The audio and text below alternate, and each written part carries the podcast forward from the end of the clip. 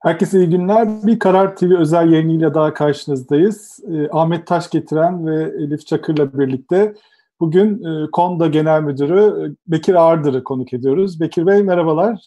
Merhaba, iyi yayınlar. Yayınlar. Sizi bütün, biraz önce de konuşuyorduk, bütün yayınlarda sizi kıskançlıkla izliyoruz. Arkanızdaki müthiş kütüphane dolayısıyla. Estağfurullah efendim o kütüphane bir tek bana ait değil. Eşim de e, çok okuyan edebiyat düşkünü birisi. Onun için evet mutlu oluyoruz bu kütüphanede kitapların arasında olmaktan doğrusunu isterseniz. Hatta ben size söyledim bir sosyal medyada e, sizin artık kütüphane arka planınızdan sonra çok az insanın kütüphane arka planıyla çıktığı söyleniyor. aman aman efendim. Böyle espriler yapılıyor. Şimdi e, güncel iki meseleyle girelim isterseniz. Çok konuşacağımız çok şey var sizinle. Ee, şimdi en sıcak olanıyla başlayalım. Ee, bu e, biliyorsunuz bir e, önceki gün e, Sağlık Bakanı Hürriyet Gazetesi'ne hafta sonu yasak olmayacağını artık açıklamıştı. Ama dün gece İçişleri Bakanlığı ve bütün sitelerde de işte Cumhurbaşkanlığının da adı telaffuz edilerek tekrar bu yasağın olacağını, tekrar yapılacağını açıklandı gece geç saatlerde. Bu sabah ise Cumhurbaşkanı bir açıklama yaptı ve e, yasağı kendisinin iptal etme kararı aldığını açıkladı. Şimdi bu tabii konuşuluyor şu anda. Herkes bunu konuşuyor. Bu bir, bir tür böyle bir e, 24-2 gün içerisinde sıkıştırılmış bir Cumhurbaşkanlığı yönetim sistemi özeti gibi oldu biraz da. E, biraz bunu konuşalım isterseniz ilk başta. E, hem Cumhurbaşkanlığı yönetim sisteminin de geçirdiğimiz bir 3 yıl var. Bu iki güne de e, bir modeli sıkışan. E, toplum buna nasıl bakıyor? Şu anda olsaydı ne olurdu referandum mesela? Nasıl olurdu? Biraz bu üzerine konuşarak başlayalım isterseniz. Siz nasıl değerlendiriyorsunuz bu karar ya, değişikliklerini? En, en sondan başlayayım. Bizim elimizdeki bulgular yani hemen korona sürecinde yaptıklarımızda sormamıştık ama e, şimdi sen sorunca hatırladım ki yine bir e, sene sonunda yani Kasım Aralık aylarında yaptığımız aylık araştırmalarda vardı başkanlık sistemine geçişten memnuniyet yüzde kırklar mertebesinde falan. çok da anlaşılabilir bir şey aslında. Bakıldığı zaman çünkü birkaç tane şey ortaya çıktı. Bir, sistem değişikliğini arzu edenler, savunanlar ve isteyenler de dahil ya da bunun öncüleri olan partiler yani AK Parti, MHP de dahil, kadrolar da dahil sistemin gerçekten bir mimari tasarımı eskizi yokmuş elde. Yani başkanlık ya da cumhurbaşkanlığı kararnameleriyle yapılan o kurumsal değişikliklere işte er, bir günde de yapılan sonra ertesi gün geri alınan değişikliklere bakılırsa ve genel olarak devlet dediğimiz bürokrasi dediğimiz mekanizmanın çalışmasına bakılırsa biraz iş deneme yanılmayla yürüyor. Bir kere e, asıl temel handikap o galiba. Çünkü hep biz e, ve siyaset dünyası, biz derken bütün ülke bu başkanlık meselesini hep bir kişiye atfederek tartışmışız ama işin bir sistemik tasarımı gerektiği,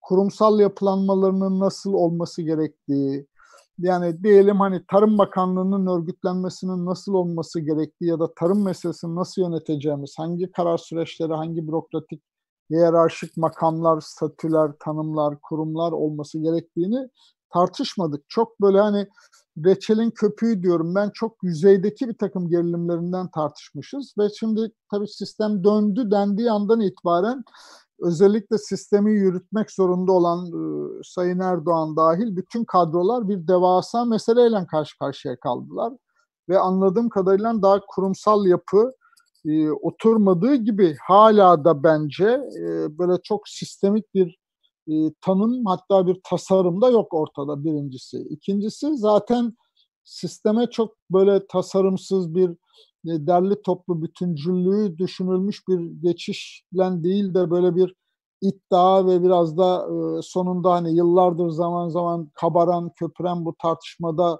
Devlet Bey'in de hadi yapıyoruz demesiyle iş birdenbire gerçek olunca e, anlaşıldı ki ve o hızlı yapış içinde ortaya çıktı ki zaten işin e, denge denetleme mekanizmaları da hiç düşünülmemiş ve o değişiklikte denge denetleme mekanizmaları da son derece açıkta kaldı. Sadece meclisin rolü meselesi değil, yüksek mahkemelerin rolü meselesi falan da dahil ve yerel yönetimlerle olması gereken dengeler gibi. Dolayısıyla biz böyle bir inat uğruna birdenbire bir gücün tek bir merkeze toplandığı e, ve bir kişinin kendi keyfiyeti, kendi vizyonu, kendi hayali, ütopyası ya da ülkenin geleceği tanımıyla bir gecede çıkarabildiği kararnamelerle yürüyen bir geçiş döneminin içine düştük. E, ama şimdi bu eğer hani her şeyin düzgün oturmuş e, kuralların, kurumların yerleşik olduğu bir toplumda olsaydı belki hani yani Kanada'da ya da ne bileyim ben e, kuzey ülkelerinin birinde olsaydı belki biraz daha e, kolay geçilebilirdi belki bu handikaplar ama bir yandan tabii ekonomik sarsıntı işte doların o birdenbire 7 liraya çıktığı 2017 Ağustos'undan beri ekonomik sarsıntının yaşandığı bir ülke burası. Bir yandan Kürt meselesi gibi hala can yakıcı, kan dökücü bir problemin yaşandığı bir ülke burası. Kutuplaşmaların, kimliklere sıkışmaların çok keskin olduğu bir ülke burası. Dolayısıyla bizim zaten e, istikrardan daha çok temsiliyet, katılım üzerinden bir ortak hayat vurgusuna ve ortak alanı yeniden tanzim etmeye, bir ortak hem toplumun kendi iç mutabakatını hem toplumun devletle, yönetim mekanizmalarıyla, bürokrasiyle olan e, mutabakatını yenileme ihtiyacımız olan devasa sorunların içinde boğuştuğumuz bir ülkede böyle birdenbire tek bir güce ve tek bir keyfiyete, tek bir bakışa, vizyona, ütopyaya bağlı geçiş kendi başına problemli haline dönüştü. Ve sonuçta benim gördüğüm e, dıştan hani devlet dediğimiz mekanizmanın omurgası kırılmış gibi. Yani birçok karar süreci çalışmıyor. E, bir de tabii bunun yanı sıra güncel başka meseleler de var. Hani 15 e, Temmuz FETÖ'cü kalkışmanın üzerine yaşanan süreç var. O sürecin ürettiği psikolojik kaygılarla liyakatı bir kenara bırakarak ciddi bir başka atama rüzgarı ya da bir yönetici kadroların oluşması meselesi var vesaire vesaire. Bütün bu sorunlar yumağı içinde tabii bir de şimdi korona meselesi geldi. Tam da bu işte yani biraz önce başlamadan da konuştuğumuz ya da bugün ülkenin yaşadığı işte yasakları dün koyduk bugün kaldırdık falan gibi meseleler hep bütün bu mekanizmaların e, yerli yerine oturmamasının ürettiği sonuçlar. Yarın ya da yarın derken hani korona ya da salgının ürettiği riskler bitti dediğimiz anda bütün dünyanın hemfikir olduğu yaşanacak olan ekonomik sarsıntı içinde bütün bu mekanizmasızlık ya da keyfiyete bağlı, tek kişinin bakışına bağlı bütün bu yaklaşımla bütün bu karmaşayı nasıl yöneteceğimiz çok ciddi bir sorun olarak önümüzde duruyor doğrusunu istersen. Peki, Toplum da ve bireyler de doğal olarak bunu anlıyor ve hissediyor. Yani e, anlamaz olur mu? Hani sonuç olarak işte bu kararların bu kadar değişik olması, ya da diyelim hani bugünden geriye doğru gidelim. Sadece şu salgın sürecinde bile mesela yerel yönetimlerin yardım kampanyalarının e, engellenmesi e, ve onun etrafında oluşan gerilimler bile insanları rahatsız ediyor ve sadece bu gerilimler örneğin yerel yönetimlerin bu kampanyalar üzerinden bir sayı paylaşabilirim hemen e, toplumun yüzde yetmiş beşi yanlış diyor. Yani dolayısıyla hani e, Yıldıray'ın sorusuyla başa dönerek bitireyim uzun paragrafı. Hani e, hemen bugün ya da son bir ayda başkanlık sisteminden memnun musun diye ölçmedik belki ama Kasım'da Aralık'ta ölçtüğümüzde o memnuniyet ancak kırklar mertebesindeydi. Ama korona günlerinde örneğin bu yerel yönetim meselesini, üniversite sınavlarının tarihinin böyle keyfi biçimde öne alındı, geriye gitti gibi değiştirilmeler gibi konularda toplumun yüzde yetmiş beşi rahatsızdı ve onaylamıyordu bu kararları.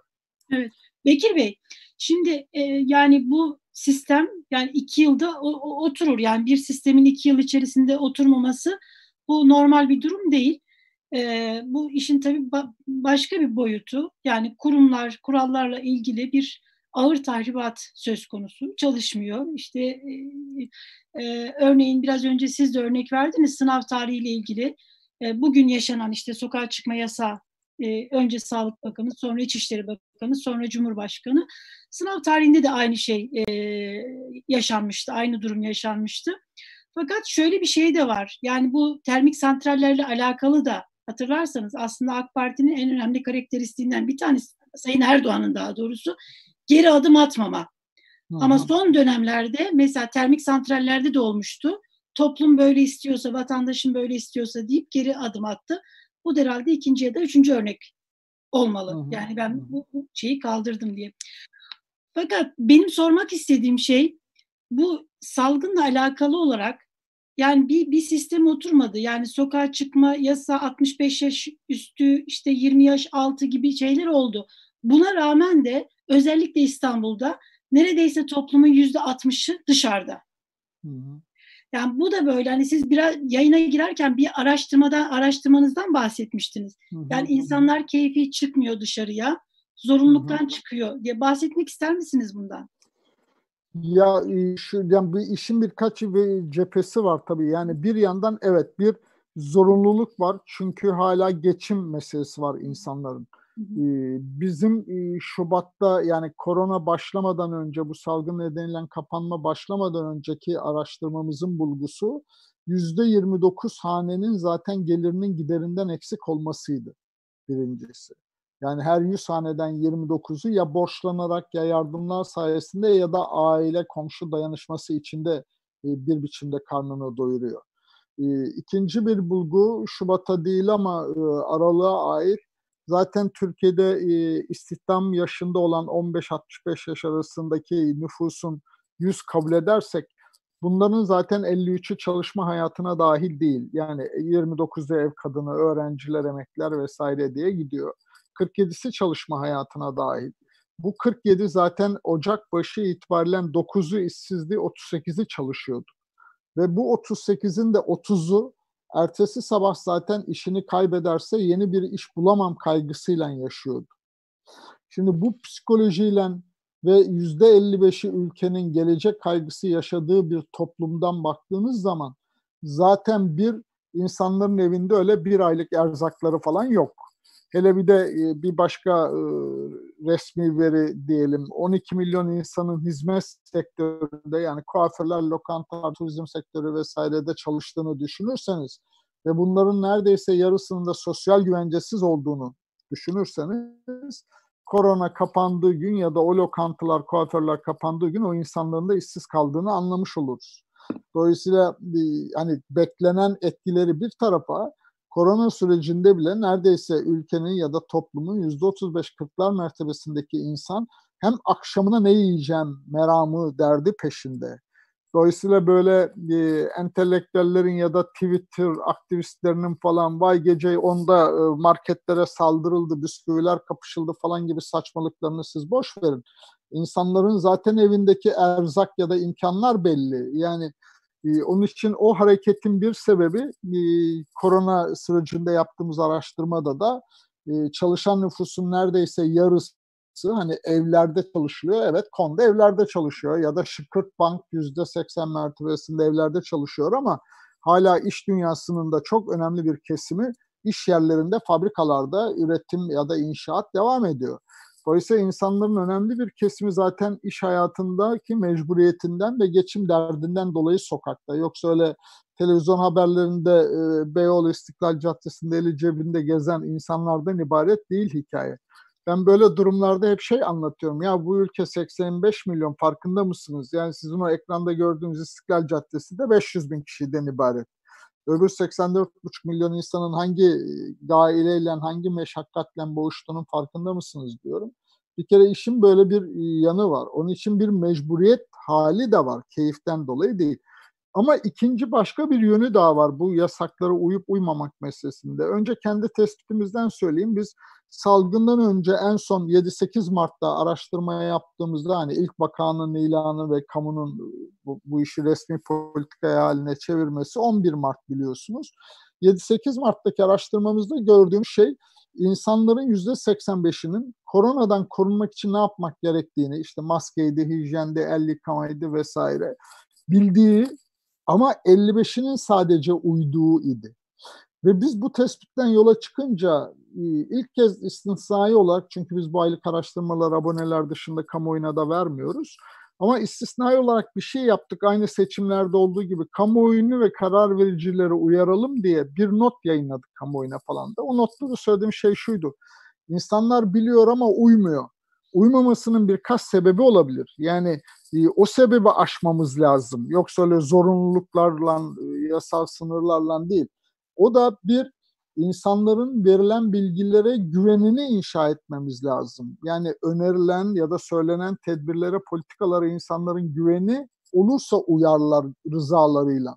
Bunu inşa etmek lazım. Bunun önünde de bir sorunumuz var. İşte siyasi kutuplaşma ya da kimliklere sıkışma. Yani ülkenin bir kesimi var ki e, kamunun yaptığı bütün açıklamaları kategorik olarak reddediyor. Yanlış bu diyor. Ülkenin bir kesimi de var ki bütün uyarıları kategorik olarak bunlar muhalif olduğu için böyle diyor, yanlış kabul ediyor. E, dolayısıyla bunu da aşmanın yolu bir şeffaf davranmak. Kamunun bu, bu alacağı tedbirlere uyulmasını sağlamak için şeffaf davranmak. İki, mümkün olduğunca insanların kendilerinin de kararlara katıldıklarına dair bir güven duygusu vermek.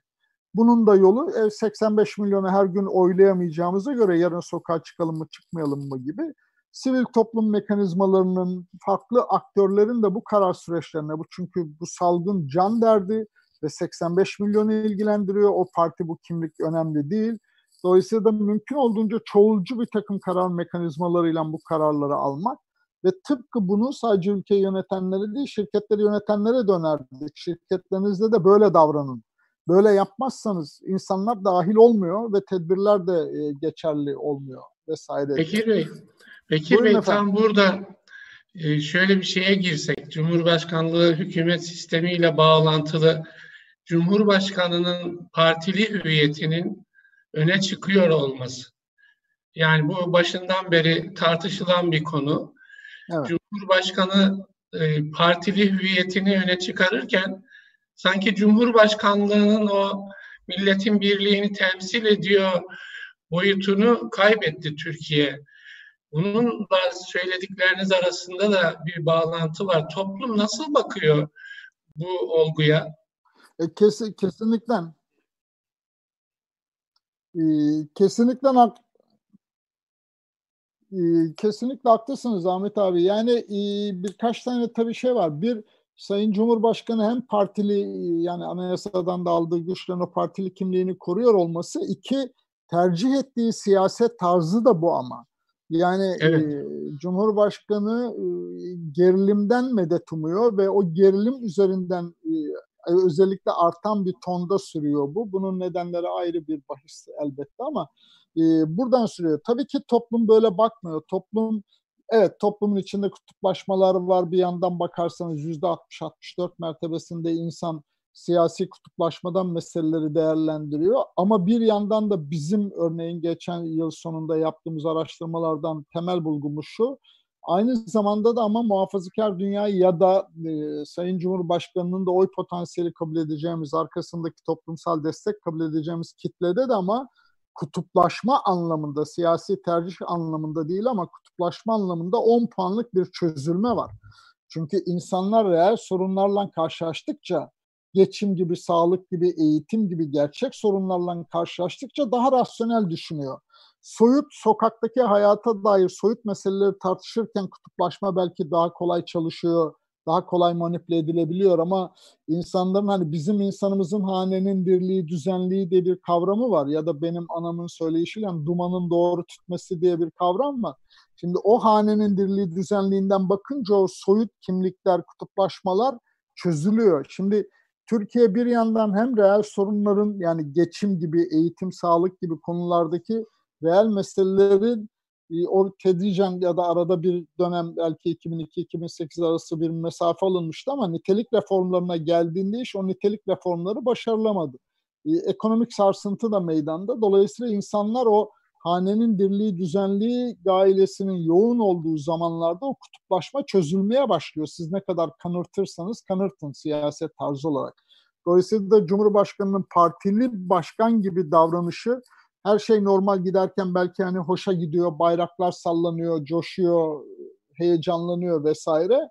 Ama akşam sofraya oturduğunda sofrasındaki eksilen huzursuzluğu veya çorbasının pilavının miktarından üreyen bir reel duygu hali var ve toplum o nedenle o kutuplaşma bir yandan da eksiliyor ve çözülüyor aslında bir yandan. Bu işin umut verici yanı geri kalan çekirdek iki kutuptaki kümede belki ateşi, şiddeti yoğunlaşıyor olabilir ama o çekirdeğin etrafındaki kitlelerde çözülme var. Bu reel hayattan dolayı bir. Tabii bir yandan da bütün bu göç sürüyor, bu metropolleşme, iletişim dünyası vesaire temas çoğaldıkça insanlar görüyorlar ki o temas sayesinde diğeri de kendinden çok ayrı bir kimlikte veya tercihte ya da hayat tarzında sandığı insan da aynı meşakkatlerle boğuşuyor. O temasın ürettiği de bir başka imkan alanı var. Üçüncü bir dinamik de tabii gençler. Yani özellikle gençlerde 30 yaş altın insanlar ve özellikle metropolde doğup büyüyen yeni kuşaklar çok daha birbiriyle temas içinde, çok daha birbiriyle ilişki içinde. Dolayısıyla o parti üzerinden, kimlik üzerinden, kutuplaşma üzerinden kurulan dil onlara çok çalışmıyor. Dolayısıyla Cumhurbaşkanı'nın bu tavırları onun beklediği oy artışına dönmüyor örneğin. Dönmeyecek de aksine. Bu süreç çünkü kutuplaşmayı da bir miktar çözen bir şey yarıyor. Ve özellikle korona dönemi de mesela bu kutuplaşmaları azaltan bir etki üretecek. Bunun en somut örneği e, Sağlık Bakanı hakkındaki değerlendirme. Sağlık Bakanı Fahrettin Koca her gün toplumun önüne çıkıp bilgi vererek çoğu zaman işte kaç saattir uyumamıştır bu kişi bu dertle uğraşırken dedirtecek o yüz ifadesi görüntüsüyle muhalif denen kutupta bile Sayın Cumhurbaşkanı'ndan fazla not, ol, not aldı. Daha karne notu aldı. Daha somut söyleyeyim örneğin.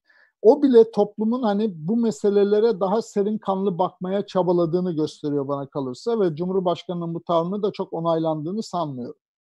Bu Sağlık Bakanı'nın e, bu imajı acaba e, yani daha üst irade içinde bir değerlendirme zemini açabilir mi? Yani halk böyle bakıyor, biz kendimizi restore edelim vesaire gibi.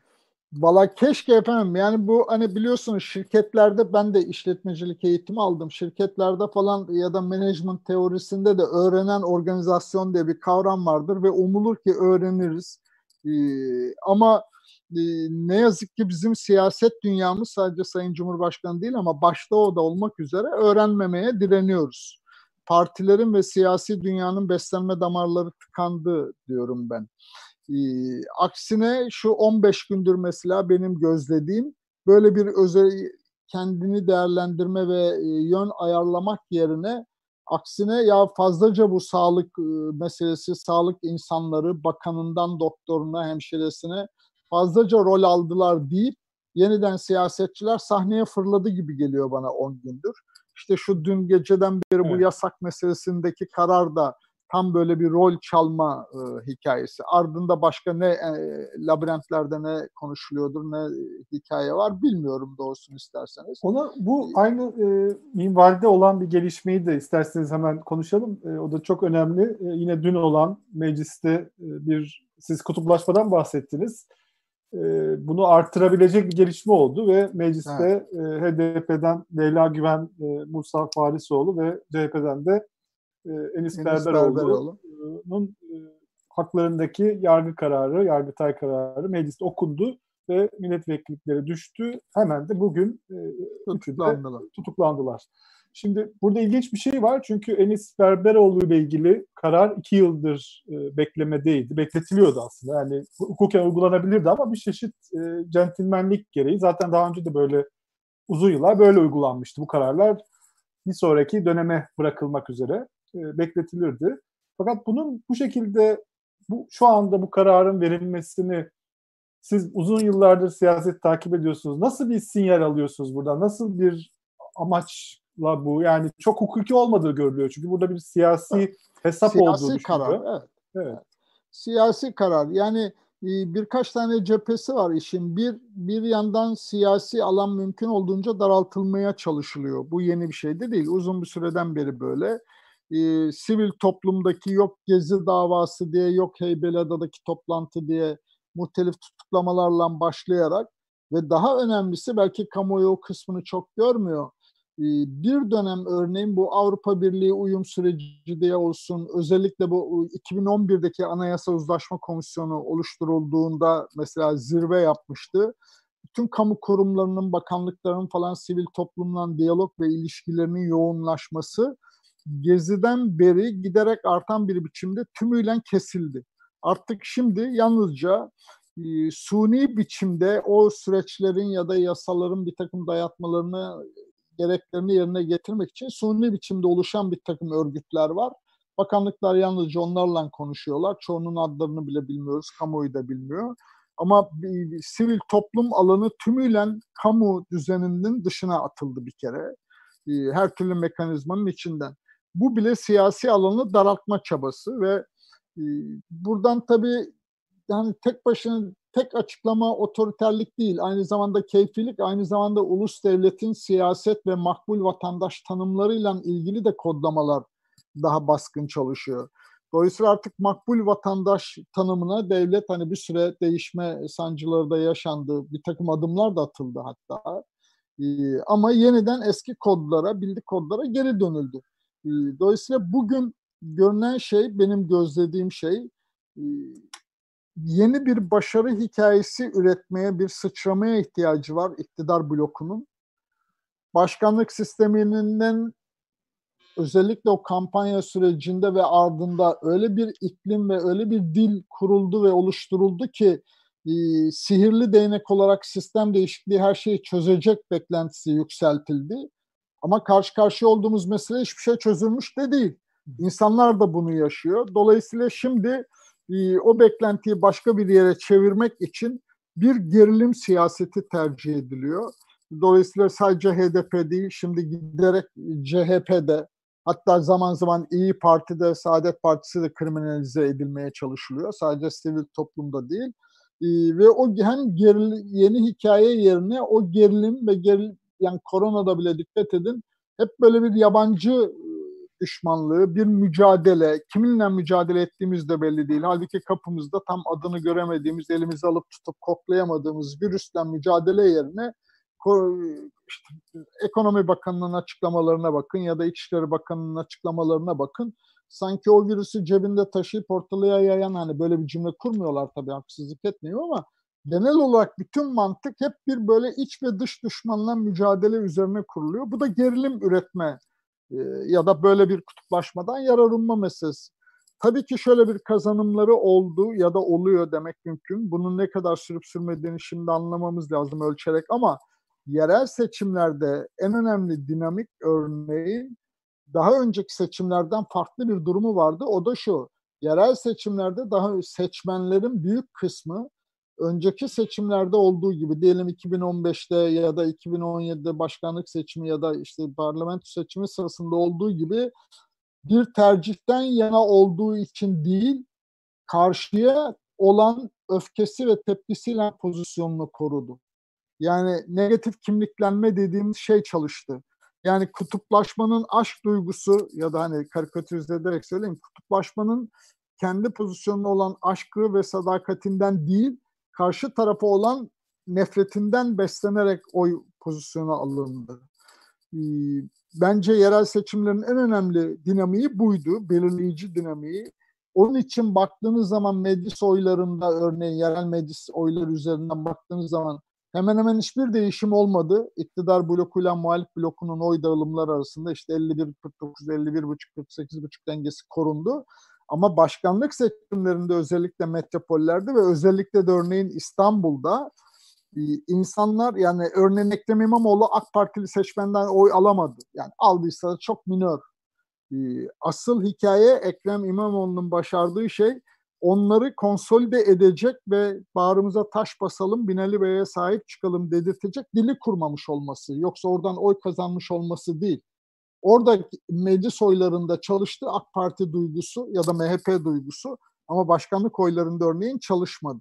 Dolayısıyla bugün de kutuplaşmanın artık iktidar blokuna getireceği artı oy yok.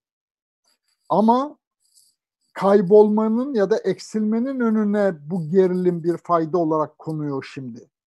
Bu ama gerçekte böyle çalışacak mıyı göreceğiz önümüzdeki Peki dönemde. Bey, Şimdi bu kutuplaşma üzerine daha konuşulabilir ee, ama bu araya HDP ile ilgili gelişmeleri sanki sokalım diye düşünüyorum. Evet. Yani bir HDP olgusu var Türkiye siyasetinde. ve yani şu anda sanki e, iktidar cenahı HDP'ye dokunan yanar gibi bir söylem Hava geliştiriyor. E, oysa HDP oy kaybetmiyor. Yani oyları yüzde 11-13 arasında Doğru. değişiyor. 6 milyon küsur insan oy veriyor HDP'ye. Yani siz e, yani bu sancılı bir alan biliyorsunuz. Yani evet. Kürt sorunu evet. dediğimiz sancılı bir alanımız var. Ve e, Kürtlerin e, aidiyet e, bilincini etkiliyor bazı şeyler diye düşünülüyor. Bu HDP'ye yönelik e, olaya iktidar cenahı sadece e, oy e, değerlendirmesi itibariyle bakarken acaba büyük sorunu yani Kürt vatandaşların e, ülkeye aidiyet bilincini yaralayıp yaralamadığı sorununu ıskalanmış mı oluyor?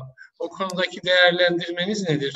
Efendim çok ciddi biçimde hem de ıskalamış oluyor. Yani şöyle bir durum var. Bir kere Kürtlerin sosyolojisinde de değişim var. Yani sadece Türklerin değil ki bu topraklardaki hayat değişiyor bir yandan pratik olarak ve onun getirdiği bir takım zihni dönüşümler de var.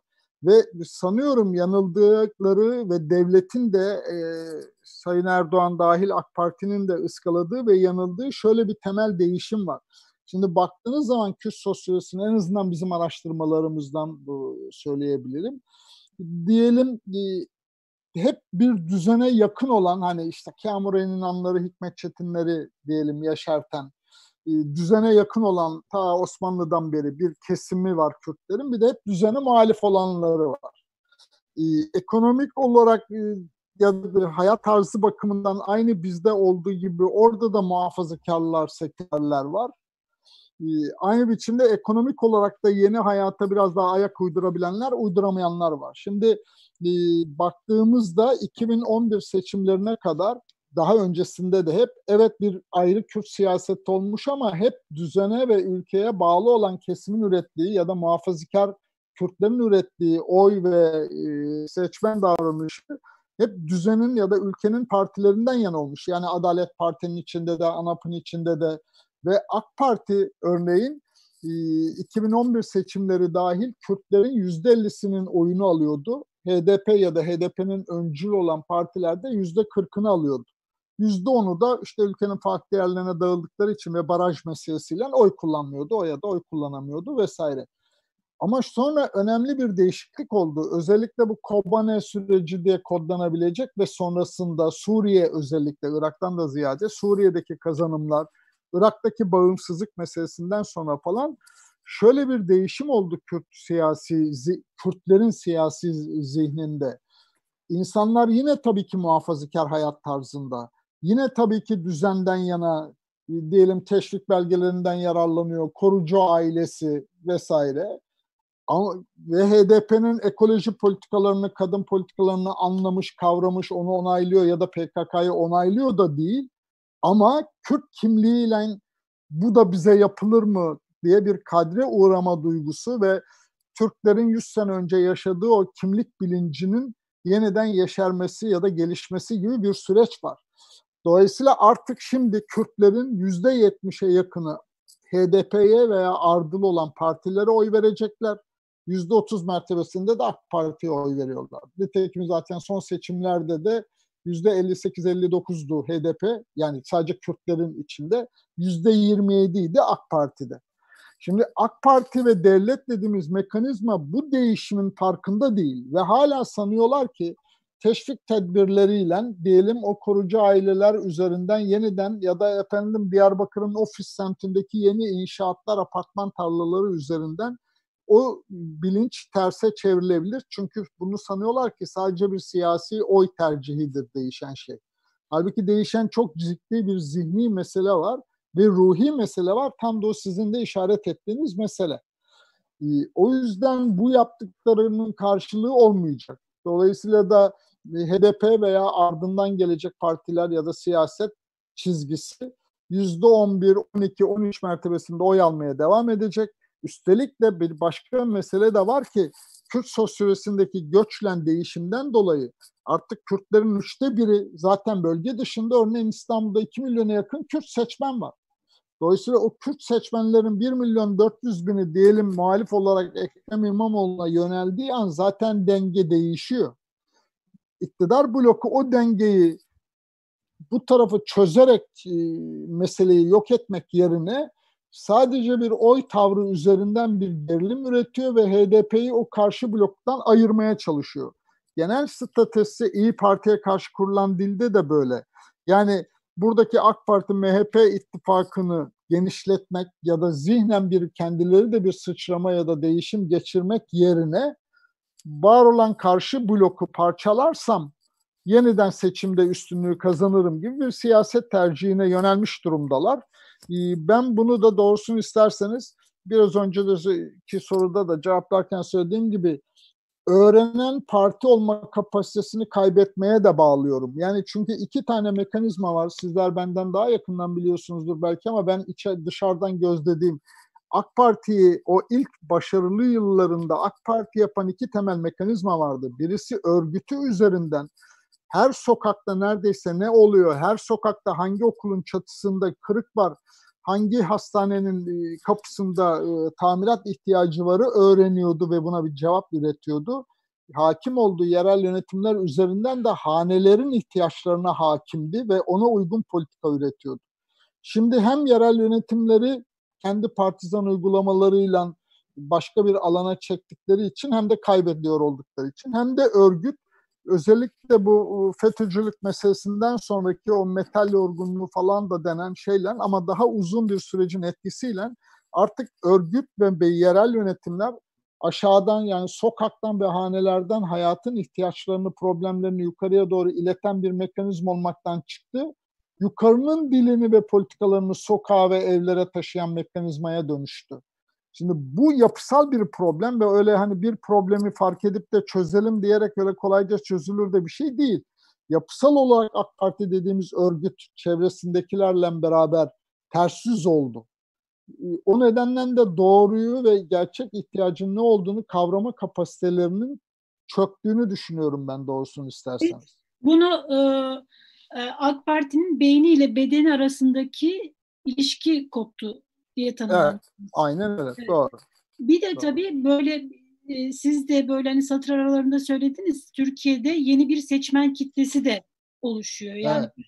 kutuplaşmadan evet kutuplaşmadan oy kazandı AK Parti ama bunun artık hani bu, bu bunun etki etmediği yeni bir seçmen kitlesi de var. Kesinlikle. Yani bu sadece dindar kesimde değil sanırım CHP tabanında da işte Kürt e, seçmen kitlesinde de oluşuyor.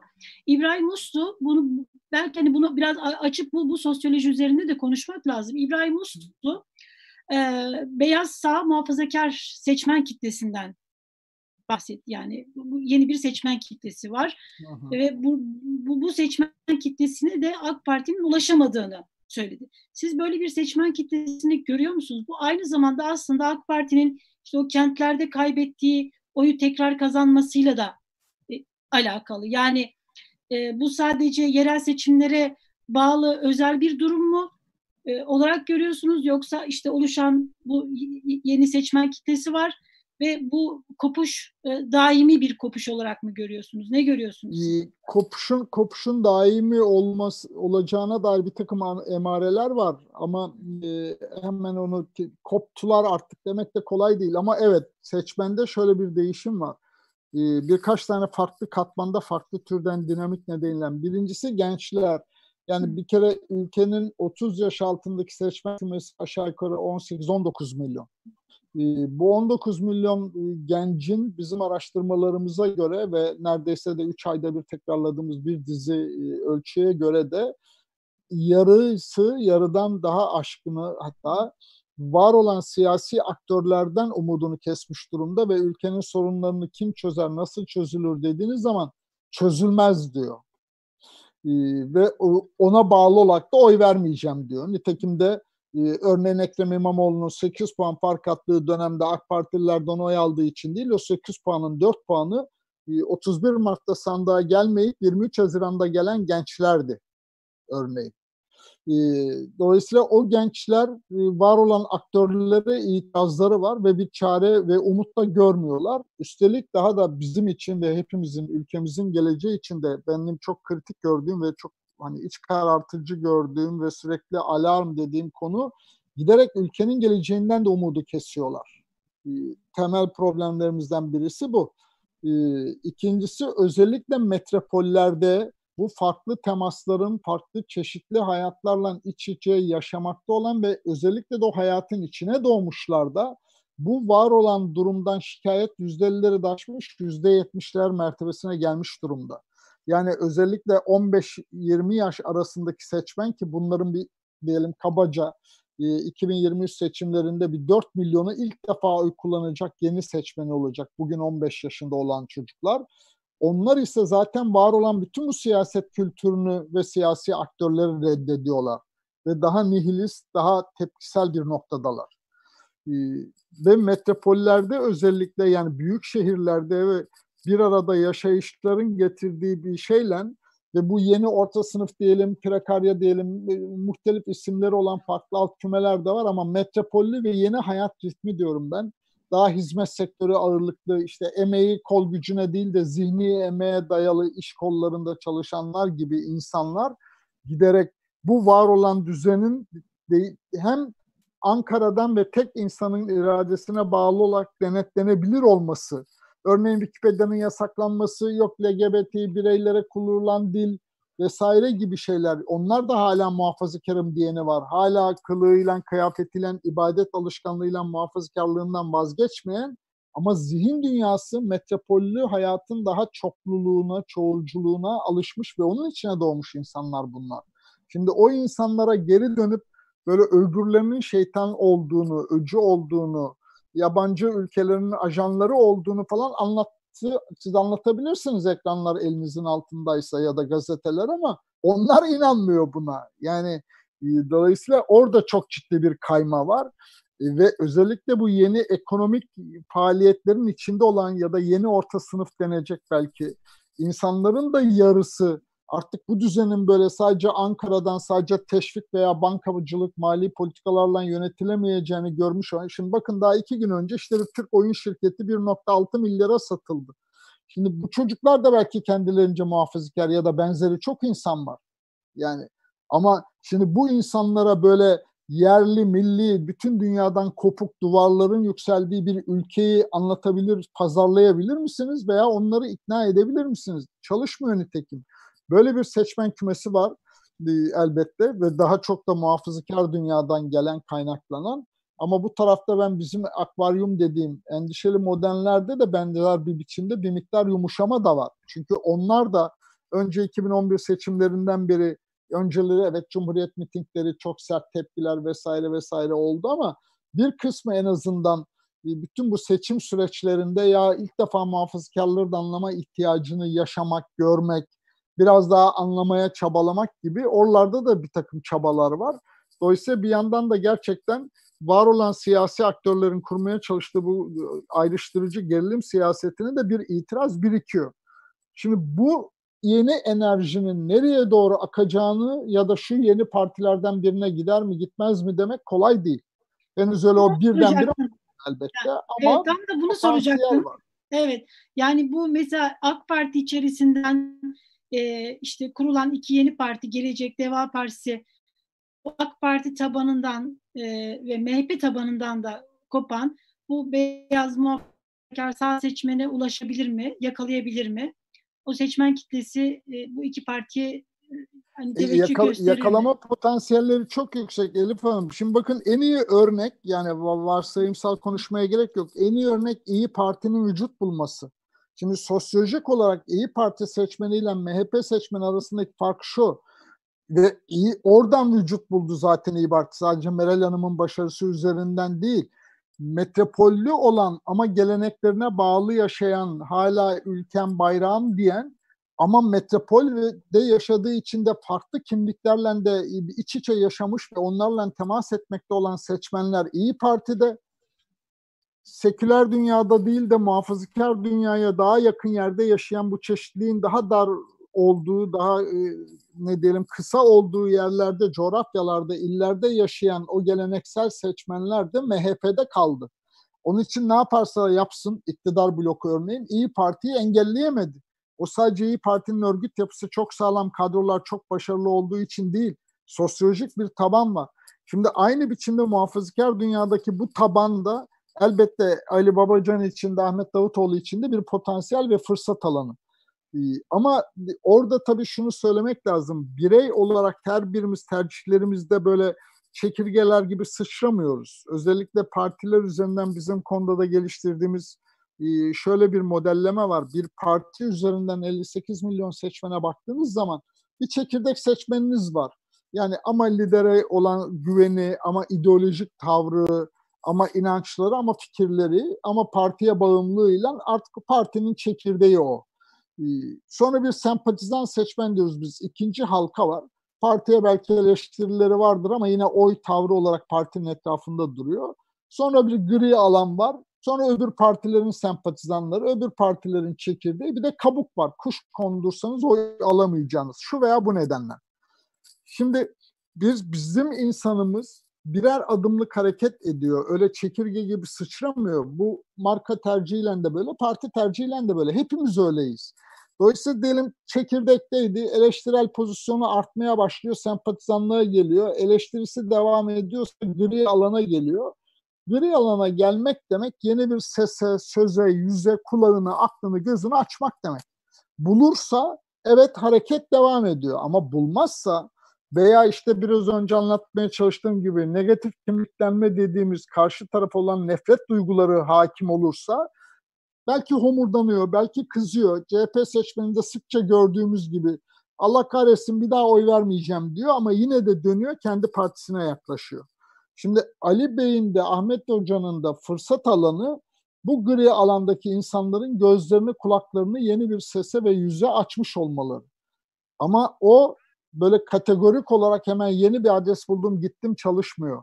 Ee, hem Ali Bey'in ya da Deva Partisi'nin hem Gelecek Partisi'nin onların gerçekten ihtiyaç ve taleplerine değen doğru politikaları, doğru dili, doğru kadroları, onun için ses, yüz ve söz diyorum. Ee, hani siyasi tercih öyle birdenbire bir sloganla e, halledilir değil. Bu bizim akvaryum böyle şeylere daha kolay inanır. İşte Obama'nın kampanyasını yapacak reklamcı gelse de iki kelimeyi icat etse kitleler peşimize düşse falan ya da muhafazakar dünyada adı çok kabul edilmiş saygın birini transfer etsek listeye koysak da bilmem ne. Halbuki hikaye öyle değil. Yani psikolojik ve sosyolojik ve ekonomik bir sürü dürtü bir arada çalışıyor. Ama şunu söyleyerek bağlayayım. Yeni partiler için ciddi bir fırsat alanı var ortada farklı katmanlarda farklı dürtülerden hareket eden ya da güç bulan ve kendini şu anda boşlukta umutsuz, ütopyasız, iddiasız, partisiz, temsilcisiz hisseden kitleler var. Yüzde ne kadar, Peki. ne kadar bunun oranı acaba? Bir fırsat alanı var.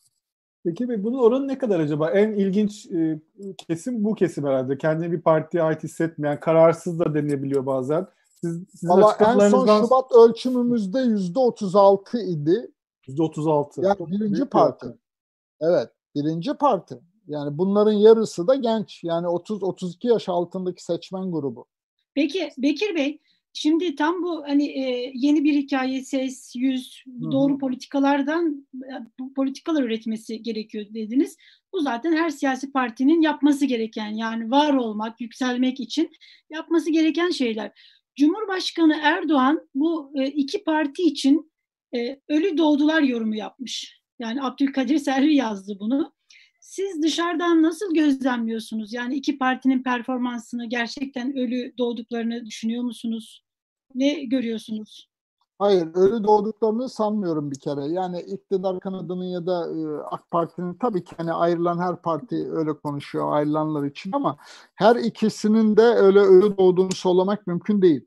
Ama şu da değil tabii. Ya başlarlarken 12'den başladılar falan. Öyle değil. Deminden beri anlatmaya çalıştığım hikayede o. Öyle seçmen ve toplum elinde oyu ya da elinde parası o kaldırımdan bu kaldırım iki bank arasında koşturan kimseyi görüyor musunuz siz reklam faiz reklamına bakarak parasına yer değiştirirken?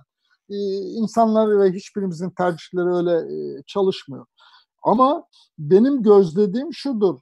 Bir, her ikisi de, de Tayyip Bey için zorlu bir mesele olur, rakip olacakları açık çünkü mücadeleden kaçmıyorlar. Yani daha kurulmadan önce ima edilen dil, hatta açık açık diyelim şehir üniversitesi etrafında yani Tayyip Bey dedi ki ya devleti dolandırmaya kalktılar. Şimdi bundan daha ağır bir tanımlama olabilir mi?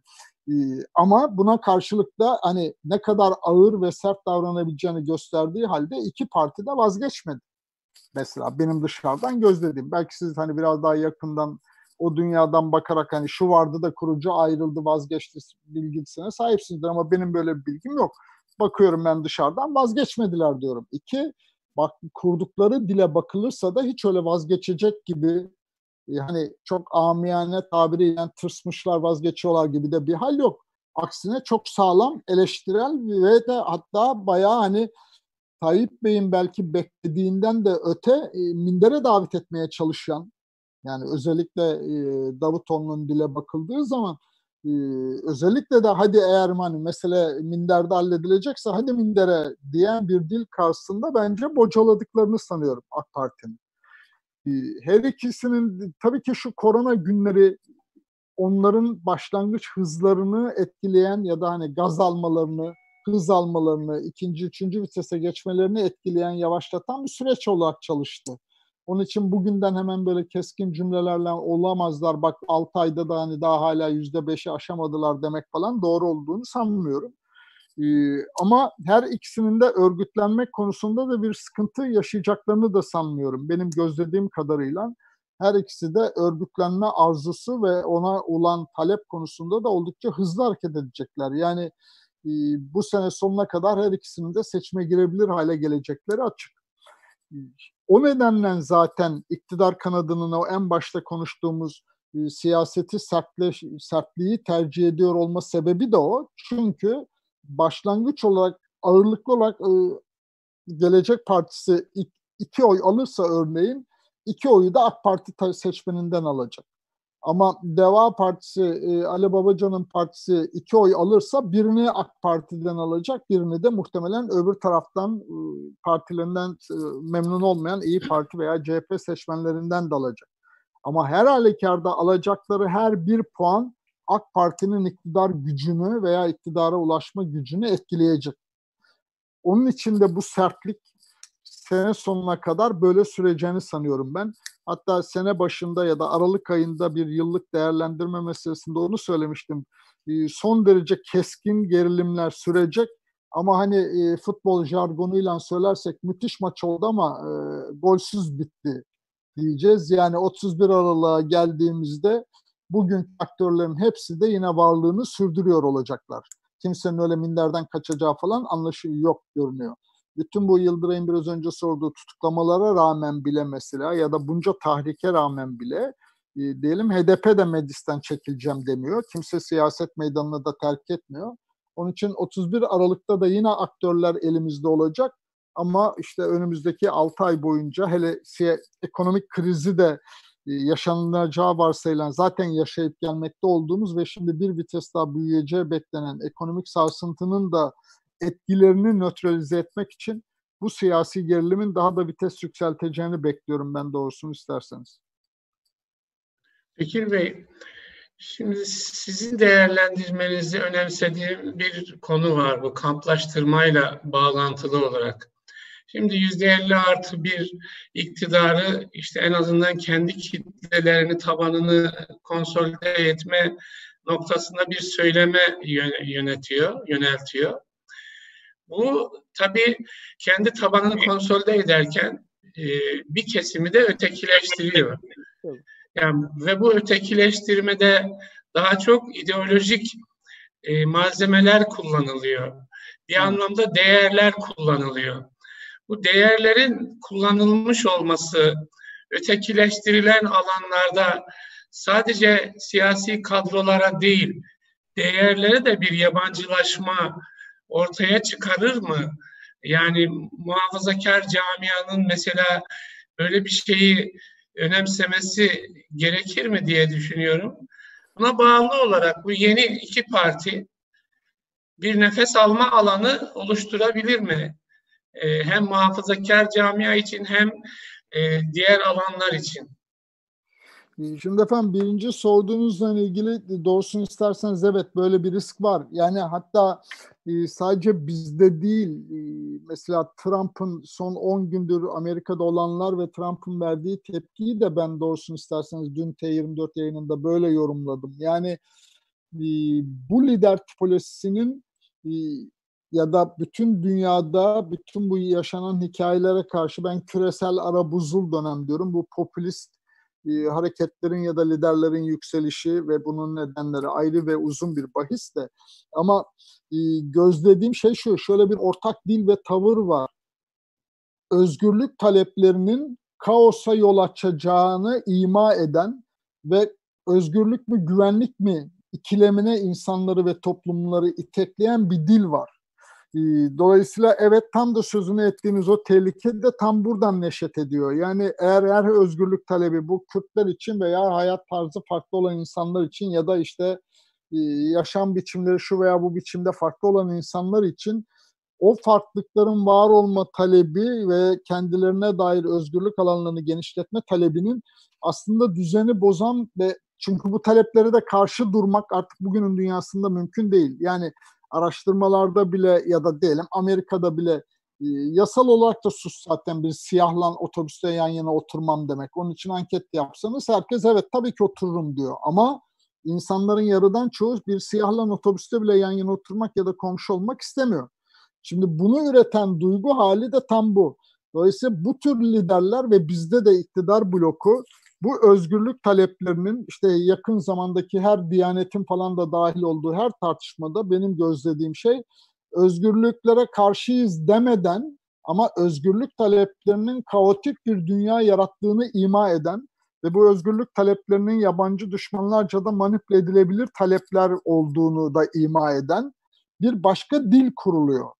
Bunu tabii toplumu şöyle bir ikileme sokuyor ya da bireyleri. Özgürlük mü güvenlik mi ikilemine düştüğü zaman insanlar doğal olarak önce tabii ki güvenlik diyor.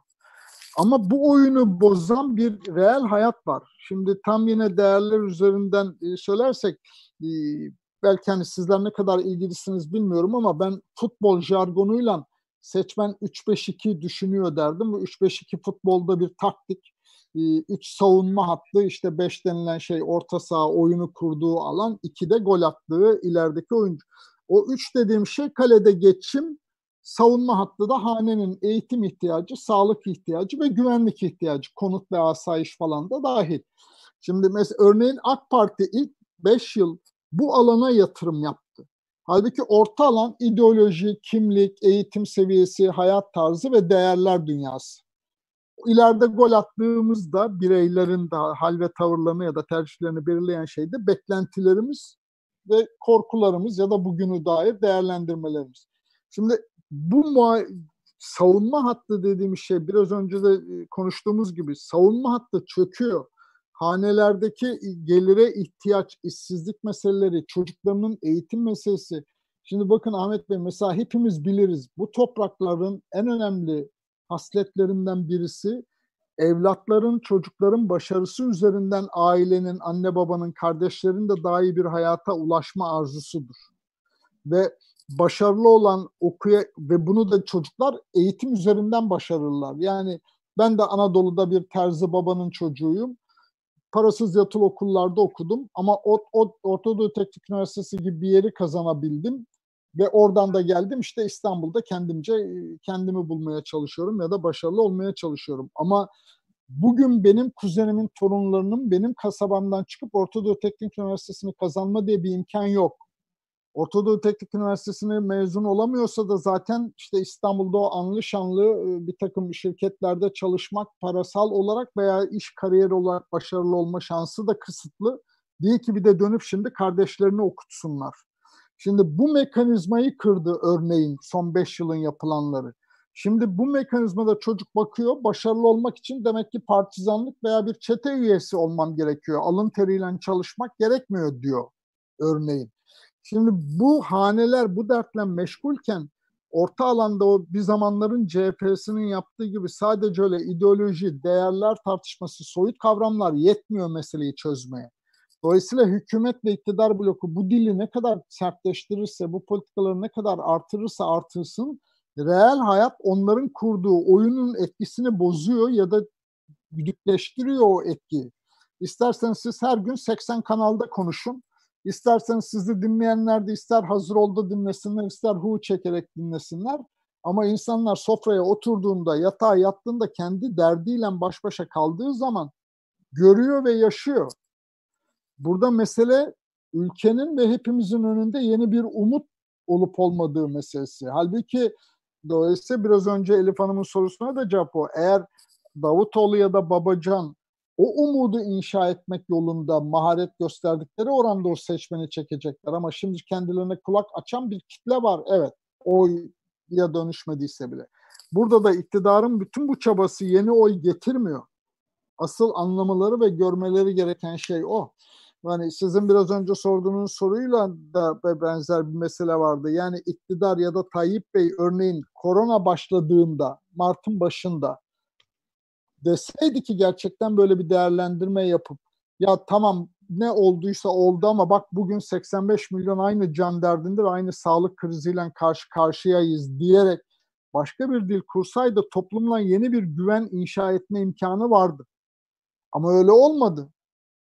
Öyle olmadığı gibi hatırlayın son bir aydır her bakanlar kurulu toplantısından sonra televizyonlara çıktığında koronanın etkileri veya koronaya karşı ne yapacağımızı değil, muhalefetin ne kadar öcü olduğunu anlatan bir dil kuruyor. Bu da insanları, kendi AK Parti seçmenini dahil e, bu kadar da değil ama dedirtiyor zihnen. Ama onların AK Parti'den hangi hızdan kopup nereye doğru gidecekleri meselesi ayrı. Peki e, Bekir Bey, bu ekonomik kriz böyle seçmen davranışlarını ciddi anlamda etkiler mi? Yani bunu şunun için soruyorum. Aslında etkiler ama yani ideoloji ve kimlik siyasetinin böyle hani çok etkili olduğu ülkelerde, bizim gibi coğrafyalarda bu ekonomik kriz ne kadar etkili olur seçmen davranışını? Etkili? Ya bir, birinci etkili olan ekonomik durum bir kere zaten. Yani herkes önce doğal olarak kendi ailesinin, hanesinin geçimi üzerinden bakıyor. Birinci mesele Dış güçler o. şey var ya yani dış güçler. Evet ama bozuyorlar.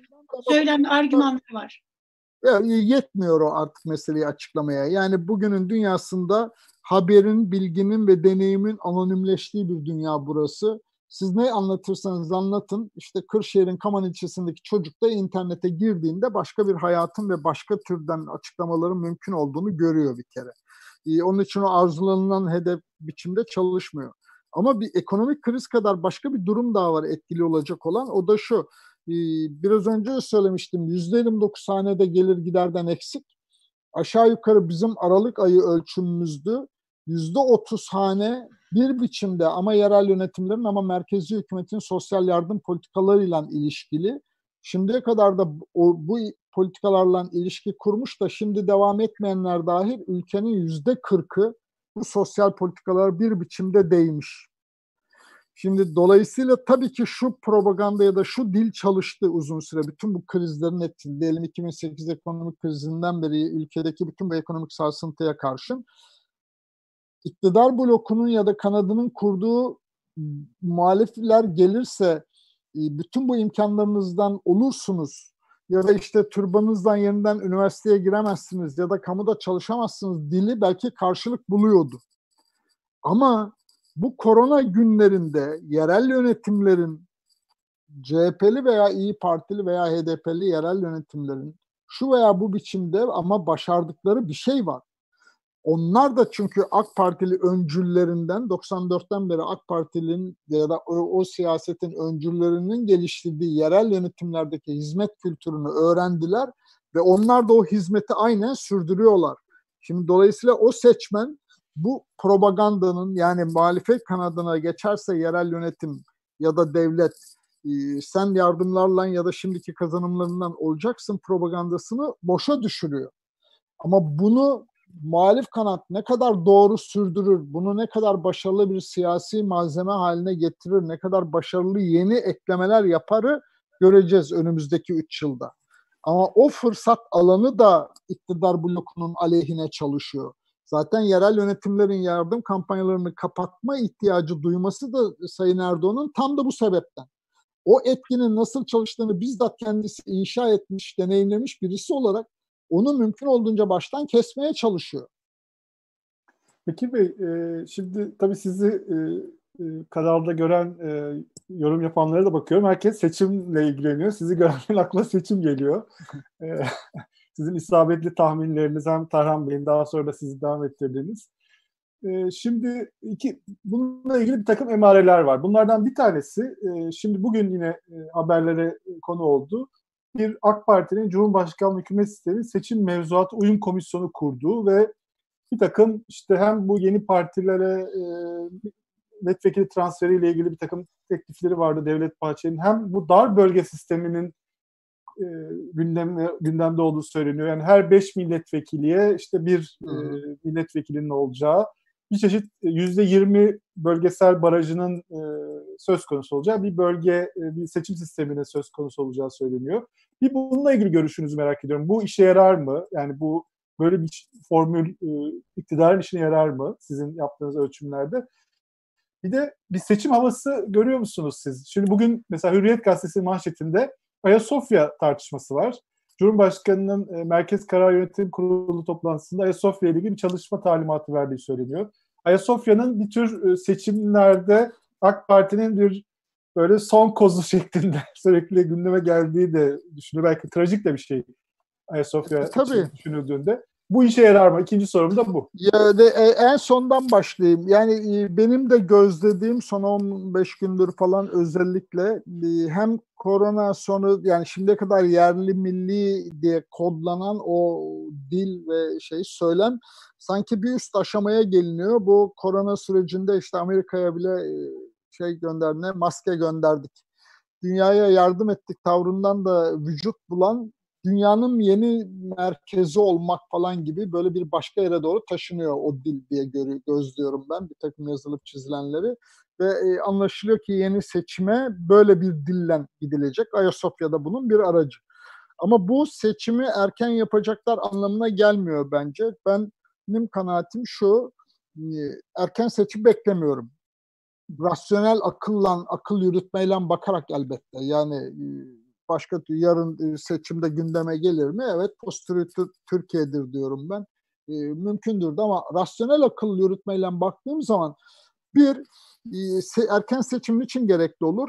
E, iktidar mekanizmalara hakim olamıyordur, problemleri yönetemiyordur ama mekanizmaları yönetmek konusunda bir aciz içindedir. Öyle mi? Hayır. Devlet dediğimiz bütün mekanizma şu anda e, en uçtaki memurlarına kadar e, iktidarın kontrolünde. E peki parlamentoda yönetme azzi ya da yasaları düzenlemek, yasaları yapmak, genelge çıkarmak konusunda bir azz içinde mi? O da değil, parlamentoda da çoğunlukta. E, ikinci unsur ne olabilir? Muhalefet sokakta öyle bir hale gelmiştir, güçlenmiştir ki gerçekten ülkeyi yönetemiyor olduğunuzu, hayattaki sürtünme kas sayısının arttığını hissediyorsunuzdur her gün. Mekanizmalara hakim olsanız bile kararlarınız vücut bulmuyordur sokakta, hayatta. E o zaman seçime zorlanır yani muhalefetin o gücü. Öyle bir durum var mı? Hayır, öyle bir muhalefette böyle bir güçlenme emaresi henüz görmüyoruz.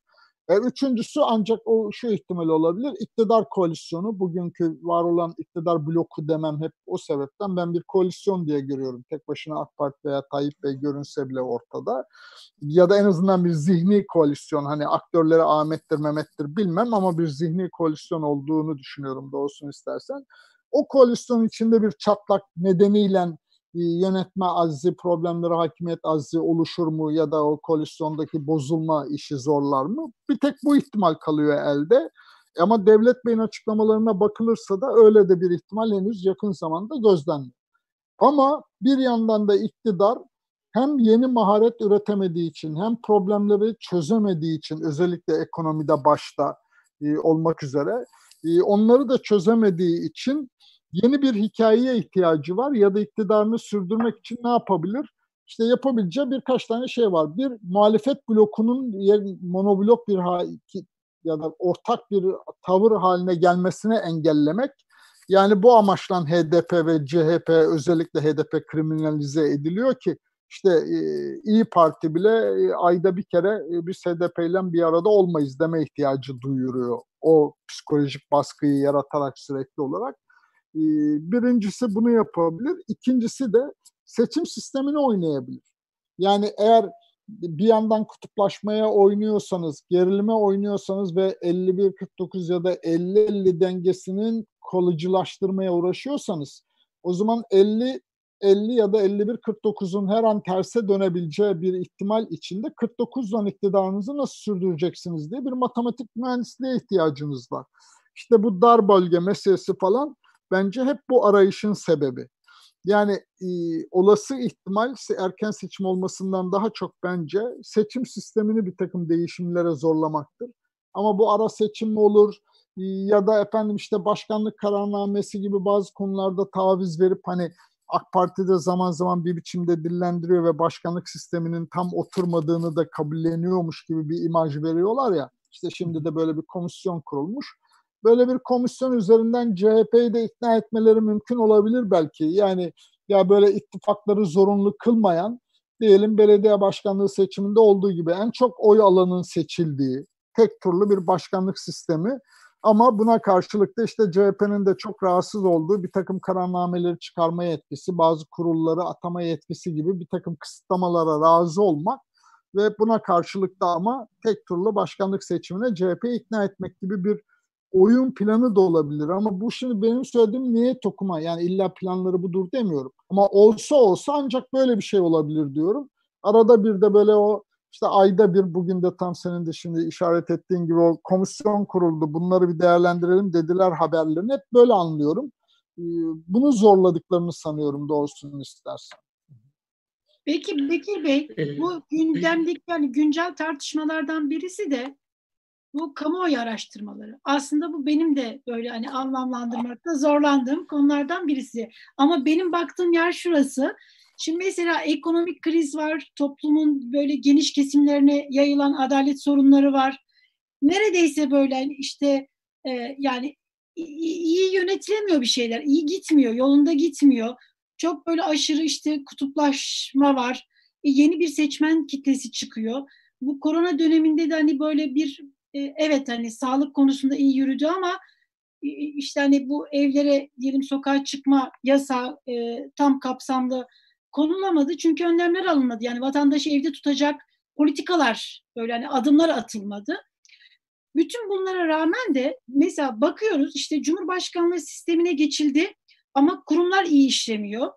Yani bunları böyle üst üste koyduğunuz zaman aslında hani iktidar bloğundan bir oy düşüşü olması gerekiyor. Yani normali bu değil Hı-hı. mi? Fakat iktidar bloğunun oy e, oranı olduğu yerde duruyor. Yani mesela bunu ben anlamlandıramıyorum. Siz bunu sizin alanınız. Buna rağmen mesela şimdi yeni böyle kamuoyu araştırmalarında bir miktar çok konjonktürel bir düşüş de değil. Yani çok ciddi bir düşüş değil. Bir oy düşüşü olduğu, işte Cumhurbaşkanı Erdoğan'a ilgide biraz azalma olduğu gözlemleniyor ki hani bu çok sert düşüş de değil. Mesela Cumhurbaşkanlığı İletişim Daire Başkanı işte bu e, çıkan kamuoyu araştırmalarının e, işte toplumu yönlendirmeye yönelik bir girişim olduğunu, e, topluma istikamet verilmeye çalıştığını, anketlerin hileli ve sahte olduğunu söyledi. Şimdi hani iki türlü tartışma var. Siz bu hani e, Fahrettin Altun'un açıklamalarını nasıl yorumladınız? Yani uzun yıllardır hani Türkiye'nin en böyle güvenilir anket şirketlerinden birisinin başındasınız. Bir de hani son dönemlerde bu aşırı kutuplaşma filan bir de korku da var yani bir korku iklimi de var. Siz bu anketleri ne kadar güvenilir buluyorsunuz? Yani iki şey var, ayağı var sorumun. Şimdi bir kere birinci ayağını söyleyeyim. Ya o, gülüyorum siz sorarken de gülüyorum. Çünkü e, üç sene önce de e, işte ana muhalefet partisinin lideri demeç vermişti. Konda etkiledi seçimi diye. Şimdi ben de demiştim ki eğer ben e, bu kapasitesiyle konuda hani sonuçta bir şirket çalışan sayısı belli, televizyonlara çıkma, konuşma mahareti belli, bütçesi belli. Ben bu kapasitemle seçme etkilediysem o zaman o koltuğu bana bıraksınlar. Ben hazırım gidip almaya. Yani eğer mesele buysa. Şimdi ama bugün aynı biçimde iktidar bloku. Yani Türkiye'nin okumuş, yazmış ve siyaset erbabında bir sorun var. Yani anketlerle kim oy değiştirdi Allah aşkına? Yani bu halka ya bu topluma hakaret bu. Yani bunu yıllarca CHP'liler yaptı bu propagandayı. Yani beni de dahil ismen böyle hedef tahtasına koyarak ya da Konda'yı da. Şimdi de iktidar bloku yapıyor falan. Yani bu bunlar hakikaten siyasi maharetinizde acze düşme belirtisi bana soruyorsanız. 2007 seçimlerinde Bak, yapmışlardı e, Tarhan Bey ile ilgili. 2007'de AK Parti'nin oyuyla ilgili evet, manşetlere evet. çıkmıştınız. Aynen. Aynen. Olmaz Neler? Dedi. Yani e, şimdi yani bu, bu, bu böyle bir şey yok bir kere. Yani ama hakikaten bu tartışmayı açmak bile ve matrak tarafı da şu oldu bence. 2015 ee, seçimlerinde Konda böyle yaptı diye suçlayan bizzatihi aynı isimler dün Fahrettin Altun'a karşı açıklama yaptılar. Anketlerde oy kaybediyorsun diye mi bu açıklamayı yapıyorsun falan filan diye. Yani e, hakikaten sürrealist. Post Türkiye'dir diyorum ben. ikide bir işte bu, bu da tam bunu gösteriyor. İkincisi anketlere güvenilip güvenilmemesi meselesi. Elif Hanım bakın e, anket dediğiniz şey bir ölçüm meselesi bir şey ölçüyorsunuz. Bunun benim tercihimle, beğenimle alakası yok. Kan tahlili, idrar tahlili gibi. Ama tabii ki bir teknik gereği var. Eğer sizin tansiyonunuzu 5 kat yukarıya koşturarak çıkıp geldiğiniz anda ölçersem başka ölçerim. Aşağıda sokakta beklerken pastanede, kafede böyle yayılıp sakin sakin oturduğunuz anda ölçersem de başka türlü tansiyonunuz çıkar. Şimdi dolayısıyla hani ölçmenin bilimsel yöntemleri var, zaman ayarı var, soru biçimi var, bin tane meselesi var. Ve önemli olan bir de tabii ki ölçtüğünüz şeyi kirletmeden, beğendim beğenmedim demeden, ahlaken de bilimsel olarak da ne ölçtüyseniz söylemek var. Benim tercihlerimden bağımsız olarak. Benim tabii ki siyasi tercihlerim var. Emek harcadığım hareketler de oldu zamanında ve hala da arzulu ve istekliyim. Hala da tercihlerimi gizlemiyorum. Ama öyleyken ölçtüğüm neyse de bunu değiştirip değiştirmemeyi tartışmıyorum bile. O nedenle anketlere güvenilir mi güvenilmez mi tartışması da anlamsız. Zaten onu kamuoyu o takdiri yapıyor. Ee, ben hepsini bildim demeye, bilmedim demeye de gerek yok. Yani bizim de başardıklarımız var, yanlış ölçtüğümüz ve yerin dibine utancımızdan girdiğimiz günler de var. Yani mesele e, buralarda değil. O bir mesleki iyi olmak, doğru olmak, kaliteli olup olmamak meselesi başka bir şey siyasetten ilişkiye bakarak buradaki iyi olma, farklı olma çabanızı ıı, manipüle edip etmemeniz başka bir şey. İnsanların da bütün bunları görüp görmediği ve o gördüklerine göre haklı ve doğru bir kanaate varma becerilerinin olup olmadığı başka bir şey. Ben inanıyorum ki Türkiye toplumu, Türkiye'deki her bir birey gerçekten yürekten buna inanıyorum. Tam da bugünlerde bir şey yazmaya çalışıyorum. Her gün bu cümleyi de yazıyorum yeniden başlarken bu topraklardaki her bir birey kendine dair kararları vermekte yetkindir, yetişkindir, mahirdir. Konuştuğumuz herkesin kendi hayatı. O kadar kolay mı bu insanların öyle her şeyini manipüle edebilmek? Duygularını manipüle edebilirsiniz. O anda öfkesini, kızgınlığını, korkusunu manipüle edebilirsiniz. Ama bir gerçeklik var. Ve insanlar o gerçeklik içinden bir pozisyon alıyorlar. O yüzden de Burada mesele ve sizin sorduğunuz o sorunun üçüncü kısmı. AK Parti oy kaybediyor, kaybetmiyor değil. İnsanlar buradan çözülüyor ama gidecek yer bulamıyor. Şimdi dolayısıyla da o 36 kişi biraz önce Yıldıray'ın sorusuna verdiğim cevaptaki 36 kişiyi düz matematik dağıtırsanız hani kararsızları dağıtmak denen yöntemle dağıtırsanız iktidar bloku yine 50 bulmuş oluyorsunuz. Ama ben diyorum ki bir ülkede iktidar blokunun bir diyelim 2015 seçimlerinde 100 seçmen varken 90'ı seçimlere katılmış ve 45'i AK Parti'ye oy vermiş tek başına. Yani AK Parti 50 dediğim şey o katılan 90 seçmenin 45'i. Bu 45'in bugün 30'lara 30'un altına düşmüş olması kendi başına önemli bir şeydir, bir alamettir. Ama bu alamet aynı zamanda diyor ki evet buradan çözülüyor ama henüz gidecek yer bulamadı ve durumundan da şikayetçi ihtiyaçları var, dertleri var. Şimdi bu 15'i siz düz matematik dağıtıyorsunuz. Yeniden 50 oldu AK Parti, AK Parti oy kaybetmiyor anlamına gelmez. Dolayısıyla hani biz şimdi bakıyoruz hala su doğru çaydanlıktaki ama bir yandan da çaydanlığın altı yanmaya devam ediyor. Buhara döndüğü gün fark edeceğiz ki su buhara döndü. Artık başka bir şey konuşacağız. Ama şu anda suyun derecesinin 99'a mı geldi, 87'de mi henüz? bizim şu anda ya da anketlerin ölçtüğü şey budur. O yüzden böyle spekülatif bir takım laflara falan gerek yok. Yani bir anda böyle seçmen 10 puan indi 20 puan çıktı falan böyle hareket etmiyor seçmen. Hiçbirimiz öyle hareket etmiyoruz. İnsanlar da bunu görüyor ve değerlendiriyor bence yani. 30'un altı da gözüküyor mu Bekir Bey? Ee, efendim evet yani şimdi tabii ki bizim Şubat'taki ölçümümüzde 30'un altıydı. AK Parti için mi söylüyorsunuz? Için. Evet yani doğrudan kapıya gidip sorduğunuzda AK Parti diyen 100 kişinin içinde 45 kişi iken 30'un altına inmişti. Bekir Bey ben bir Ama şey... insanlar işte CHP diyenler 30'a o çıkmıyor. Yani e, mesele orada. Şimdi bir başka konuyu sormak istiyorum. Bir fotoğraf yansıdı e, kamuoyuna, medyaya. Sayın Bahçeli ile Alaaddin e, Çakıcı arasında ve Alaaddin Çakıcı Bahçeli'yi efsane devlet adamı diye tanımladı. Şimdi bu bir fotoğraf. Bir başka fotoğrafta Doğu Perince'yi görüyoruz. Yani hemen her gün bir televizyon kanalında aldığı oy oranına bakılmaksızın temsil ediliyor ve e, iktidarın pek çok politikasını e, kendilerinin belirlediği iddiasını dile getiriyor. Şimdi e, ve bu gidip iktidar bloku dediniz, güzel bir tanımlama. İktidar blokuyla bütünleşiyor e, bu iki e, figür, iki fotoğraf. Yani AK Parti'ye bir yükleme yapıyor mu bunlar? AK Parti'nin kimliğine, görünüşüne, algısına, yani dünya kamuoyunda, kendi kamuoyunda, Türkiye'de bir yükleme yapıyor mu? Veya nasıl bir yükleme yapıyor? E, Valla en azından bende e, olan yüklemesi şu. AK Parti artık yani bu tabii e, hemen bugün olmuş sadece bu fotoğraflardan dolayı değil ama 2011'den beri adım adım AK Parti devletleşti.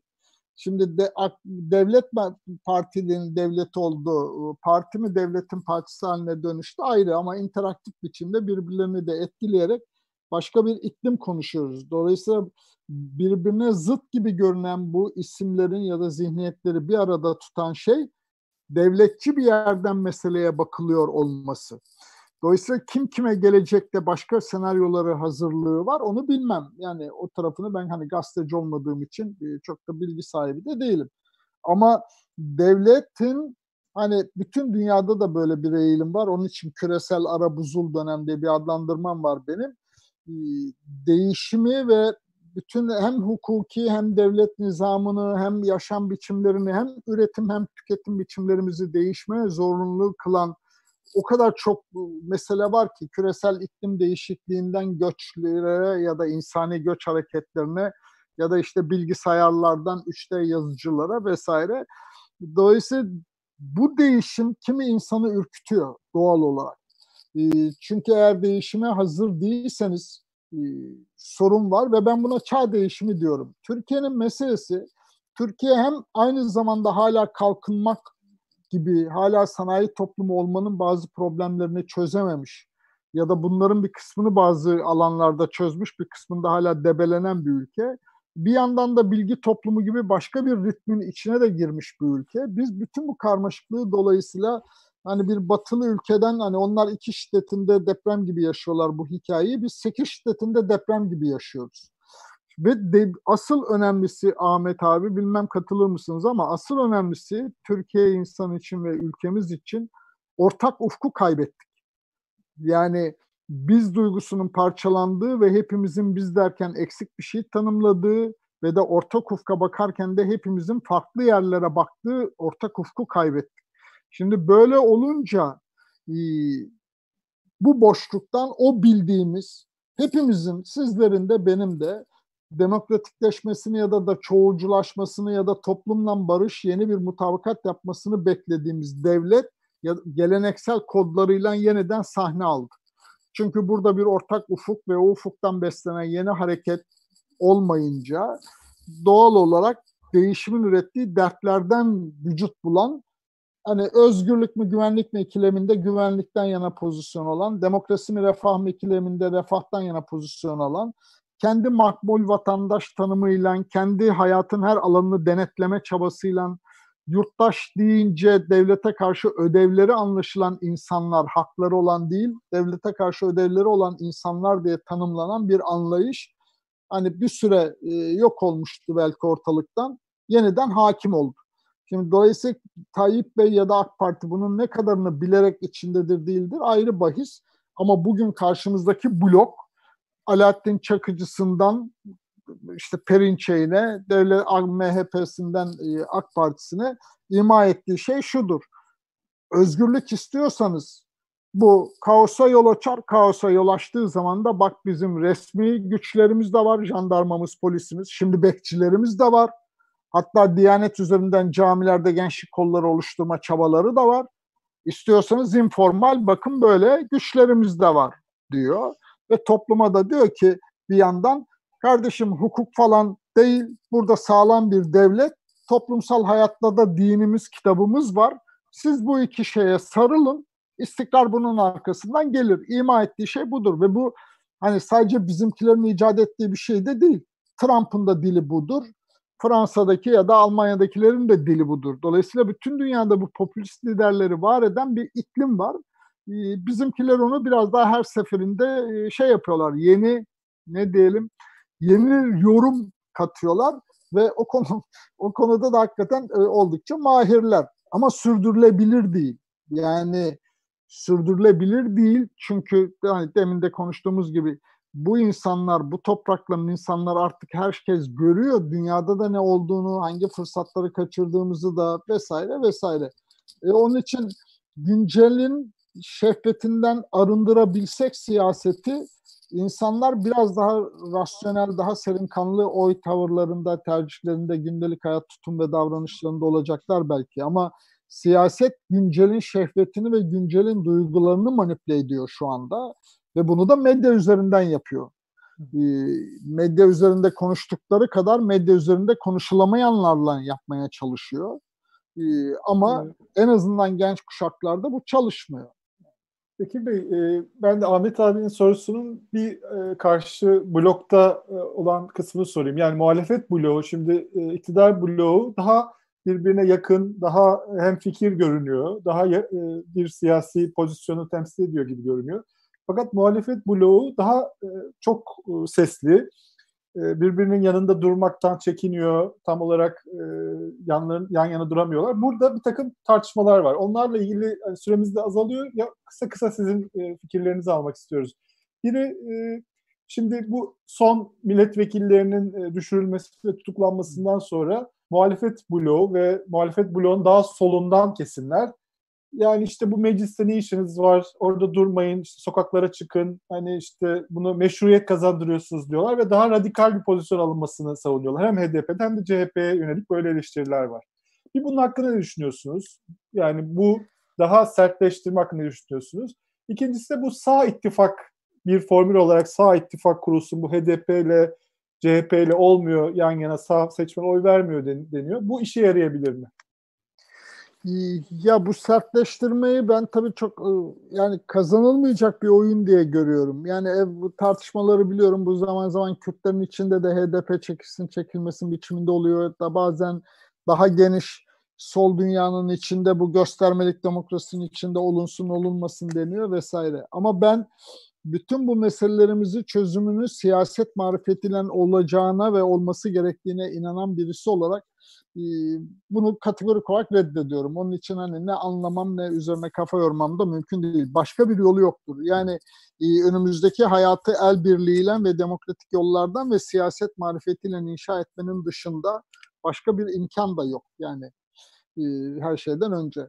Ve Allah'tan ki benim gözlediğim kadarıyla ne HDP'de ne CHP'de bu türden sertlik talepleri de çok da vücut bulmuyor. Yani zaman zaman böyle bir kıvılcım gibi parlıyor belki ama hala en azından kurumsal yönetim mekanizmaları parlamentoda ve siyasetin içinde olmayı savunuyorlar ve oradan pozisyon alıyorlar falan. Sağ muhalefet ya da sağ blok meselesi ise ya da bir başka ittifak meselesi ise şurada. Benim kanaatim şu, Bu geçen 2018 seçimlerinden önce de ilk bu ittifak tartışmaları başladığından beri de aynı kanaatteyim. Türkiye bir yandan evet kutuplaştı falan ama asıl önemlisi bütün partiler az veya çok, kimileri daha gevşek, kimileri daha sert biçimde kimlik siyasetinin içine sıkıştı kaldı. Şimdi kimlik siyaseti üzerinden ya da bir kimliğin iyi, doğru, güzel tanımı üzerinden bütün hayatı inşa edemeyeceğimiz gerçeğinden hareket ederek bu topraklarda çoklu bir hayat var çünkü.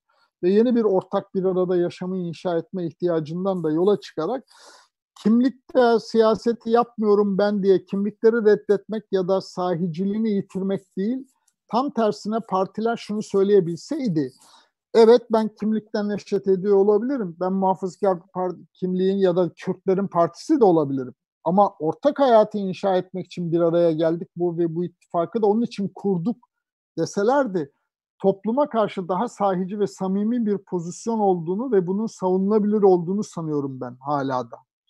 Ee, o nedenle AK Parti MHP blokunu ya da iktidar blokunu geriletmenin yolu illa böyle parlamenter başkanlık sistemi falan gibi bu da önemli parametrelerden biri olacağı anlaşılıyor şimdiden ama tek başına bu değil de daha geniş bir ittifakın HDP ile de dahil olarak bundan da kaçınmayarak ama gerçekten içtenlikten buna inanarak ve bunu savunarak yani bu ülkede Kürtler de var, muhafızkarlar da var, sekülerler de var ama biz ortak hayatı inşa etmek için bir aradayız. O ortak hayat olduğu ya da o noktaya geldiğimiz gün, o hedef durumu başardığımız gün tabii ki o durum içinde siyasi tercihlerimiz farklı, kimliklerimiz farklı.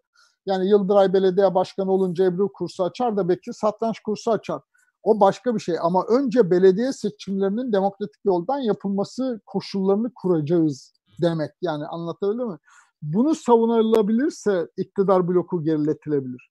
Öbür türlü sadece yani HDP'den kaçınarak CHP'yi HDP ile yalnız bırakalım diyerek ya da CHP de bunu eğer başaramayabilir tabii ya da öncülük yapmayı. Bu tarafta Saadet Partisi, Deva Genç, Gelecek Partisi ayrı bir ittifak. Öbür tarafta CHP, belki, CHP artı HDP ile bir ittifak yapılarak seçmeye gidilirse bugünkü seçim koşullarında bile iktidar kendini sürdürme şansını biraz daha yüksek olur birincisi. Bunu sadece kutuplaşma üzerinden hepsi bir araya gelirler ve sadece Tayyip Erdoğan karşıtlığı üzerinden yaparlarsa da yine iktidar bloku sürdürme şansını bulur. Mesele tek başına Tayyip Erdoğan karşıtlığı yandaşlığı değil. Ya da böyle gizli saklı utangaç ittifaklar yapmak falan da değil. Mesele aleniyet içinde ve topluma şunu anlatarak evet farklı kimliklerimiz var, farklı meramlarımız, tercihlerimiz var ama önce hepimizin bu farklılıklarımızdan bir arada olacağımız durum için bir aradayızı savunabilecek bir dil ve ittifak oluşturabilirlerse de e, o zaman da muhalefet blokunun çok rahat bir şansı var. Hani biraz önce Elif Hanım'ın da işaret ettiği ekonomik koşulları da dikkate alırsanız. Ama hangisi olacak? Artık siyasetçilerin marifetine kalmış. Onu da hep beraber gözleyeceğiz. Evet. Çok teşekkürler Bekir Bey. Çok sağ olun. Çok keyifli bir sohbet oldu. Çok teşekkür ederim. Ben çok teşekkür, teşekkür ederiz. Çok Bekir Bey, efendim. sizinle konuşulacak çok şey var daha. Dilerim başka efendim. bir programda yine beraber oluruz. Çok Zevkle, teşekkür ediyoruz. İnşallah. İnşallah efendim. Sağlıklı günlerde görüşmek dileğiyle. Çok İnşallah. sağ olun. İnşallah. Torununuz için de tebrik ederiz. Ay, sağ olun efendim. Sağ olun. Daha henüz koklayamasak da evet. Çok teşekkürler efendim. Sağ olun. Evet, e, herkese teşekkürler izlediğiniz için. E, kanala da abone olmayı unutmazsanız seviniriz. E, başka sohbetlerde, röportajlarda karşınızda olacağız. Herkese iyi günler.